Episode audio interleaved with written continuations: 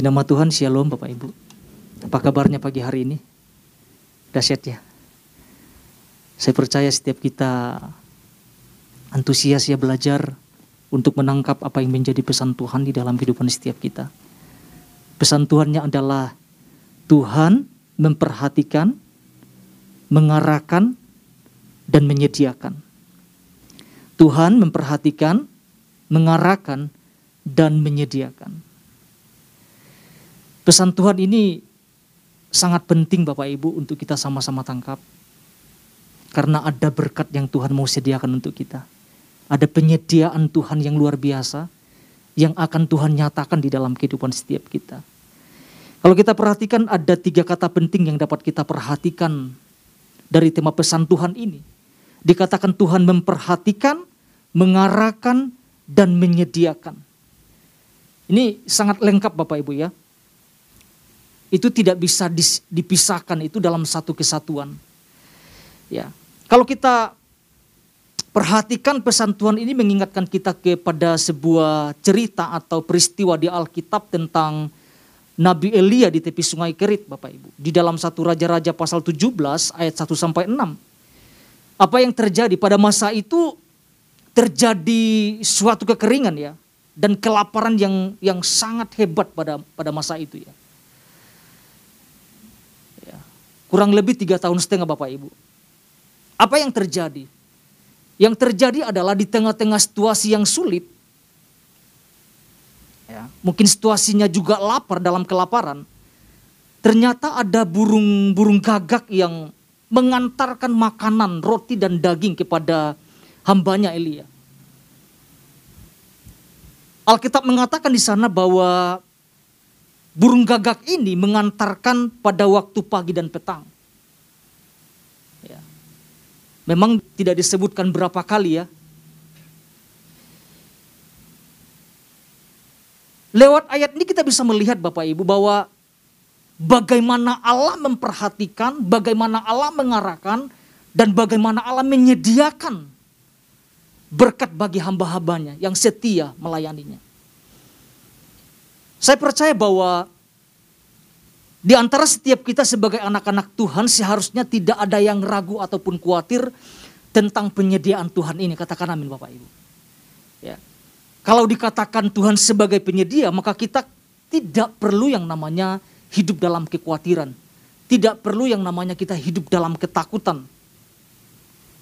Apalagi dalam kecemasan.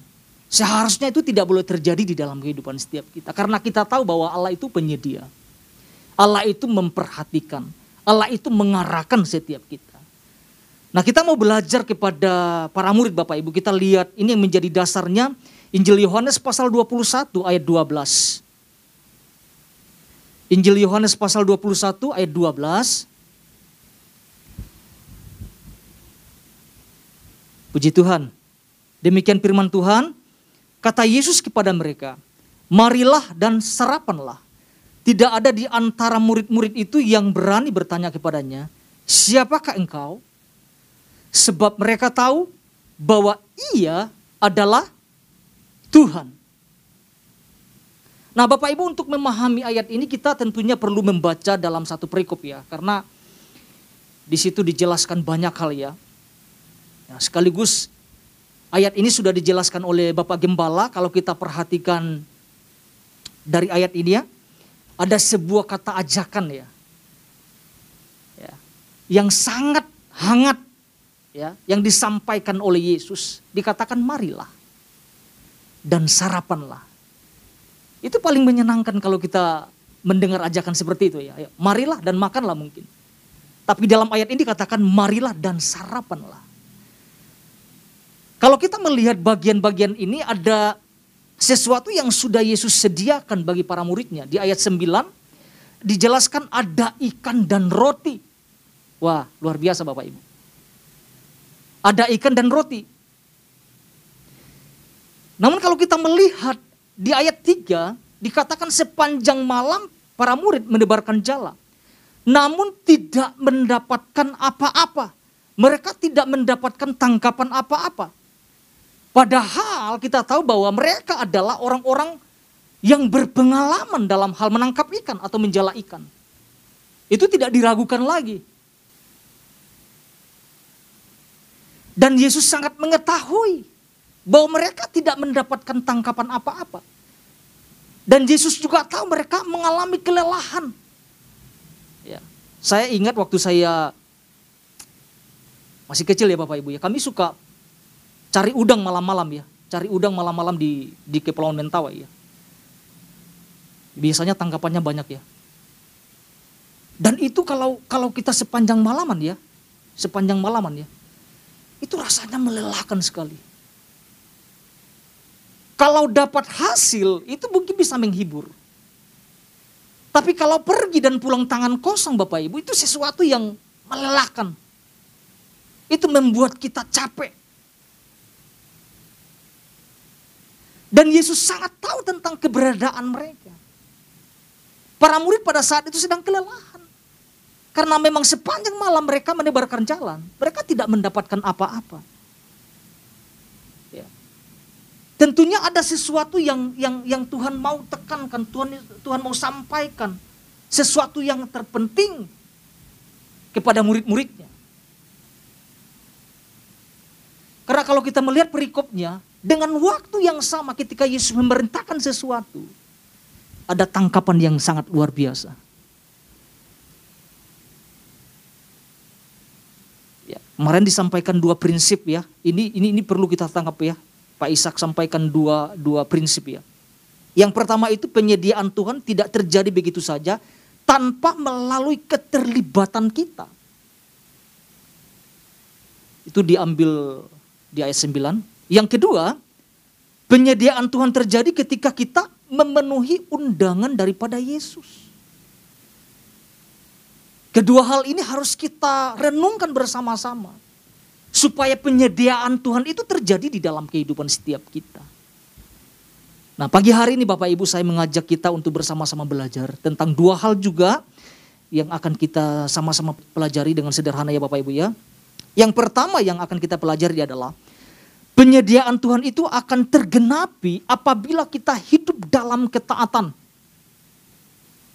Penyediaan Tuhan itu akan tergenapi apabila kita hidup dalam ketaatan. Kata kunci yang saya mau sampaikan adalah hidup dalam ketaatan. Ya. Karena kalau kita perhatikan Pak Ishak sampaikan di poin pertama, penyediaan Tuhan itu tidak terjadi begitu saja tanpa melalui keterlibatan kita.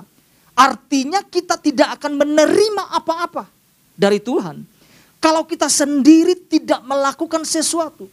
Kalau kita sendiri tidak terlibat di dalamnya. Kalau kita sendiri cuma menonton tidak melakukan sesuatu. Perlu keterlibatan kita sebagai anak-anaknya.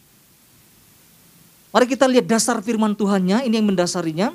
Injil Yohanes 21 ayat 5, ayat 6 dan 8. Ini yang menjadi dasarnya.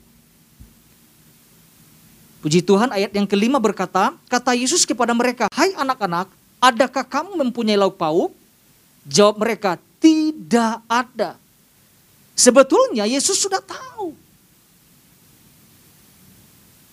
Yesus sudah tahu tetapi dengan sengaja menanyakan ini kepada para murid-muridnya. Kita lihat ayat 6. Maka kata Yesus kepada mereka, tebarkanlah jalamu di sebelah kanan perahu. Ini yang menjadi catatan kita Bapak Ibu. Maka akan kamu peroleh Lalu mereka menebarkannya dan mereka tidak dapat menariknya lagi karena apa? Banyaknya ikan. Wow, luar biasa sekali Bapak Ibu. Kita lompat ayat 8. Murid-murid yang lain datang dengan perahu karena mereka tidak jauh dari darat. Hanya kira-kira 200 hasta saja. Dan mereka menghela jala yang penuh dengan apa? Ikan itu.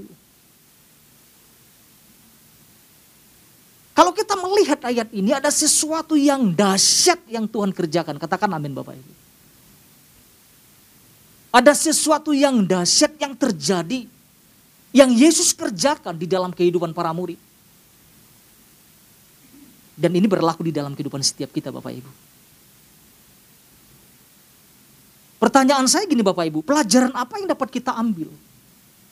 Atau prinsip apa yang Tuhan sedang mau ajarkan kepada murid-muridnya lewat peristiwa ini. Dan apa yang Tuhan sedang tunjukkan kepada setiap kita lewat perikop ini. Nah kita mau belajar bersama-sama Bapak Ibu. Kalau kita perhatikan di ayat 6, ada perintah di sana. Ada perintah. Perintah ini akan menentukan hasil atau tidaknya. Apa perintahnya? Dikatakan, tebarkanlah jalamu di sebelah kanan perahu. Itu perintahnya. Maka akan kamu peroleh.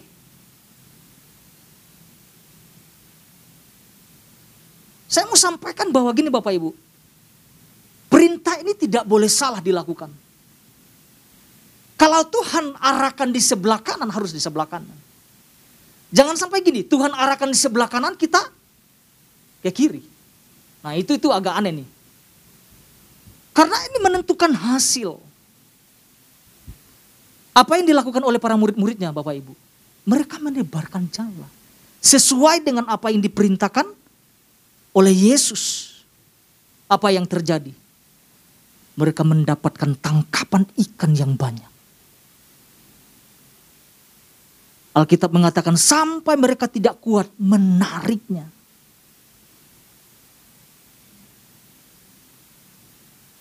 Saya mau sampaikan bahwa penyediaan Tuhan ini bukan penyediaan yang biasa-biasa loh Bapak Ibu. Penyediaan Tuhan ini sesuatu yang dahsyat, yang Tuhan mau kerjakan di dalam hidup kita. Ketika kita hidup di dalam ketaatan, di dalam setiap perintah yang Tuhan Tuhan arahkan atau Tuhan sampaikan kepada setiap kita. Karena kalau kita melihat pesannya, ya, Tuhan memperhatikan, mengarahkan, menyediakan. Itu tidak boleh dipenggal-penggal Bapak Ibu. Ini dalam satu kesatuan. Saling mengikat satu dengan yang lain. Bahwa Allah Tuhan memperhatikan, mengarahkan, menyediakan. Itu terjadi. Terjadinya kapan? Ketika kita hidup di dalam ketaatan di setiap perintah yang Tuhan sampaikan kepada setiap kita. Lewat pesannya ini adalah perintah buat setiap kita. Kalau Tuhan katakan Tuhan akan menyediakan, itu akan terjadi di dalam kehidupan setiap kita. Asalkan kita hidup dalam ketaatan. Hidup dalam ketaatan itu, bukan sesuatu yang mudah. Tetapi kalau kita mau terjadi penggenapan itu terjadi dalam kehidupan setiap kita. Mari kita bersama-sama Bapak Ibu kita belajar untuk hidup di dalam ketaatan. Di dalam setiap perintah Tuhan. Di dalam setiap pesan-pesan yang Tuhan tuntun di dalam kehidupan setiap kita. Karena ini penting. Kita merindukan penyediaan, kita merindukan berkat. Iya kan? Kita merindukan pelipat gandaan terjadi di dalam kehidupan setiap kita. Tetapi Pak Ishak sampaikan bahwa ada bagian kita, ada keterlibatan kita di dalamnya. Yaitu melalui ketaatan yang kita terus lakukan di dalam kehidupan setiap kita. Karena saya yakin Bapak Ibu, kalau kita tidak hidup dalam prinsip ketaatan ini, kita tidak akan mendapatkan, akan tidak akan tergenapi penyediaan itu dalam kehidupan setiap kita. Sangat disayangkan. Padahal janji Tuhan, Tuhan akan menyediakan. Ada penyediaan yang Tuhan sampaikan. Dalam bidang apa saja Tuhan bisa lakukan Bapak Ibu. Baik dalam pekerjaan kita, usaha, pelayanan, mungkin anak-anak, pendidikan, semua. Tuhan sediakan. Tuhan sediakan jalan. Tuhan sediakan berkat. Tuhan sediakan keberhasilan. Asal kita mau hidup dalam ketaatan. Perintahnya jelas. Tebarkan jala di sebelah kanan perahu. Coba kalau kita renungkan sedikit Bapak Ibu. Kalau para murid pada saat itu tidak taat melakukan perintah di sebelah kanan perahu, apa yang terjadi?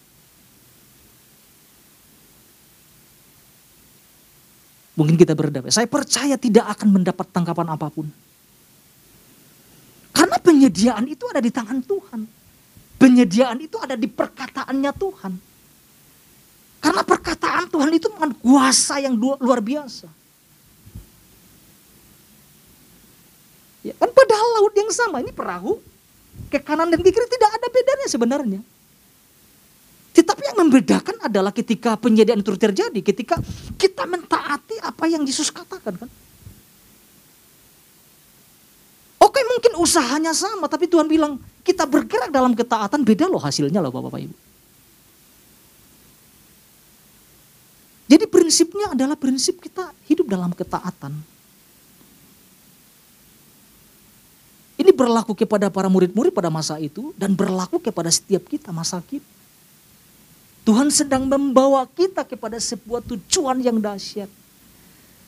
Kepada sebuah penggenapan yang luar biasa yang akan Tuhan nyatakan Bapak Ibu. Saya mau sampaikan sekali lagi bahwa penyediaan ini bukan penyediaan biasa-biasa. Turun hujan semua juga dapat hujan, tapi penyediaan ini berbeda.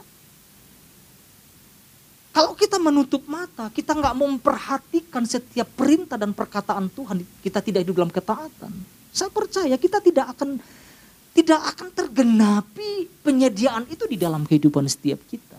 Jadi saya mendorong setiap kita mari sama-sama. Ya. Kita memberikan fokus perhatian kita kepada setiap perintah Tuhan. Supaya hasil, hasilnya dahsyat. Supaya ada hasil di dalam kehidupan setiap kita. Supaya penggenapan Tuhan itu boleh terjadi di dalam kehidupan setiap kita. Sesuai dengan apa yang Tuhan sudah ukurkan bagi kehidupan setiap kita masing-masing. Jadi prinsipnya adalah kita mau belajar taat. Mari kita lihat Roma pasal 8 ayat 28. Roma pasal 8 ayat 28. Puji Tuhan. Demikian firman Tuhan, kita tahu sekarang bahwa Allah turut bekerja dalam segala sesuatu untuk mendatangkan kebaikan bagi mereka yang mengasihi dia. Yaitu bagi mereka yang terpanggil sesuai dengan rencana Allah. Puji Tuhan Bapak Ibu. Dikatakan Allah turut bekerja. Allah menyediakan bagi kita. Allah memperhatikan, Allah mengarahkan setiap kita. Itu poin pertama yang kita boleh sama-sama renungkan Bapak Ibu. Selanjutnya poin yang kedua. Poin yang kedua ini yang sama-sama kita pelajari Penyediaan itu akan terjadi apabila kita menjadikan Tuhan sebagai sumber yang paling utama dalam kehidupan kita. Penyediaan itu akan terjadi apabila kita menjadikan Tuhan sebagai sumber yang paling utama. Ini kita harus garis bawahi. Menjadikan Tuhan sebagai sumber yang paling utama di dalam kehidupan setiap kita. Ini nggak boleh terbalik Bapak Ibu. Sumber utamanya adalah Tuhan. Satu-satunya di dalam kehidupan setiap kita. Bukan yang lain. Bukan juga pengalaman ataupun kehebatan kita sendiri. Karena gini Bapak Ibu, kalau kalau pengalaman kita yang menjadi sumbernya, saya mau sampaikan maka tidak ada penyediaan yang terjadi. Karena kita akan genapi dengan kekuatan kita sendiri. Jadi Lewat poin ini kita belajar bersama-sama lewat kehidupan para murid Bapak Ibu. Mari kita lihat firman Tuhan Yohanes pasal 21 ayat 12. Yohanes pasal 21 ayat 12. Puji Tuhan. Demikian firman Tuhan, kata Yesus kepada mereka, marilah dan sarapanlah. Tidak ada di antara murid-murid itu yang berani bertanya kepadanya, siapakah engkau? Sebab mereka tahu bahwa ia adalah Tuhan. Bagian akhir ini menjadi penekanan saya Bapak Ibu. Sebab mereka tahu bahwa ia adalah Tuhan. Saya mau sampaikan gini Bapak Ibu. Sebenarnya sebenarnya dari awal mereka sudah tahu bahwa guru mereka adalah Tuhan. Sejak awal mereka jadi murid. Ya. Namun mereka belum terlalu yakin. Masih ada keraguan di hati mereka. Makanya ketika Yesus meninggal mati Bapak Ibu ya. Mereka kembali jadi nelayan. Ini, ini, ini perundungan kita. Karena kalau mereka mengenali Allah, mengetahui Allah, guru mereka sebagai Tuhan, sebagai Allah. Maka akan mereka akan melanjutkan pelayanan misi yang Tuhan percayakan kepada mereka. Tetapi apa yang terjadi? Mereka kembali kepada kehidupan lama mereka sebagai nelayan. Dan bahkan Alkitab mengatakan sebagian ada yang pulang kampung ke Emmaus. Dan dijabarkan sama Pak Isa kemarin ya. Tetapi kalau kita perhatikan Ayat ini menjelaskan tidak ada di antara para murid-murid yang berani bertanya kepadanya. Siapakah engkau? Sebab mereka tahu bahwa ia adalah Tuhan. Pertanyaan saya adalah, tahu atau sekedar tahu? Karena bisa saja sekedar tahu. Karena bisa saja sekedar mengenal atau kenal namun tidak mengenalinya dengan benar. Oh si ini mah tahu, tapi mengenali tidak. Sekedar tahu saja. Karena kalau kita renungkan Bapak Ibu, kalau mereka dari awal mereka mengenali Yesus, tidak ada namanya penyangkalan. Tidak ada yang namanya kekecewaan. Tidak ada. Seharusnya ya. Tetapi peristiwa kematian Yesus membuat para murid itu berpencar. Ada yang kecewa lah. Bahkan ketika Yesus bangkit menampakkan diri kepada mereka. Mereka tidak mengenalinya dengan dengan benar. Udah bercakap-cakap sepanjang jalan, mereka tidak mengenal. Yang melintasi membayang pikiran mereka adalah tentang kematian Yesus. Padahal Yesus sudah ngomong, saya akan bangkit pada hari ketiga. Para murid tidak ngerti tentang rahasia ini. Ya. Ini cara pandang yang salah melihat Yesus sebagai manusia biasa, bukan Tuhan sebagai yang berkuasa. Itu kengerian yang terjadi di dalam kehidupan para murid-murid dan ini terjadi di dalam kehidupan kita sebagai anak-anak Tuhan masa kini. Sekedar tahu Tuhan tetapi tidak menempatkan Tuhan sebagai satu-satunya sumber yang paling utama di dalam kehidupan setiap kita. Murid-murid tahu bahwa Tuhan itu adalah Allah yang per, Allah yang dahsyat, Allah yang ajaib, Allah yang berkuasa. Tetapi mereka tidak menjadikan Tuhan sebagai hal yang utama, paling utama di dalam kehidupan mereka. Sebagai sumber yang utama. Mereka berpikir setelah ketika Yesus menghadapi eh, peristiwa kematian, mereka sudah selesai, sudah tamat. Mereka tidak bisa melanjutkan pelayanan mereka apa yang yang Yesus percayakan pada masa itu. Mereka lupakan itu.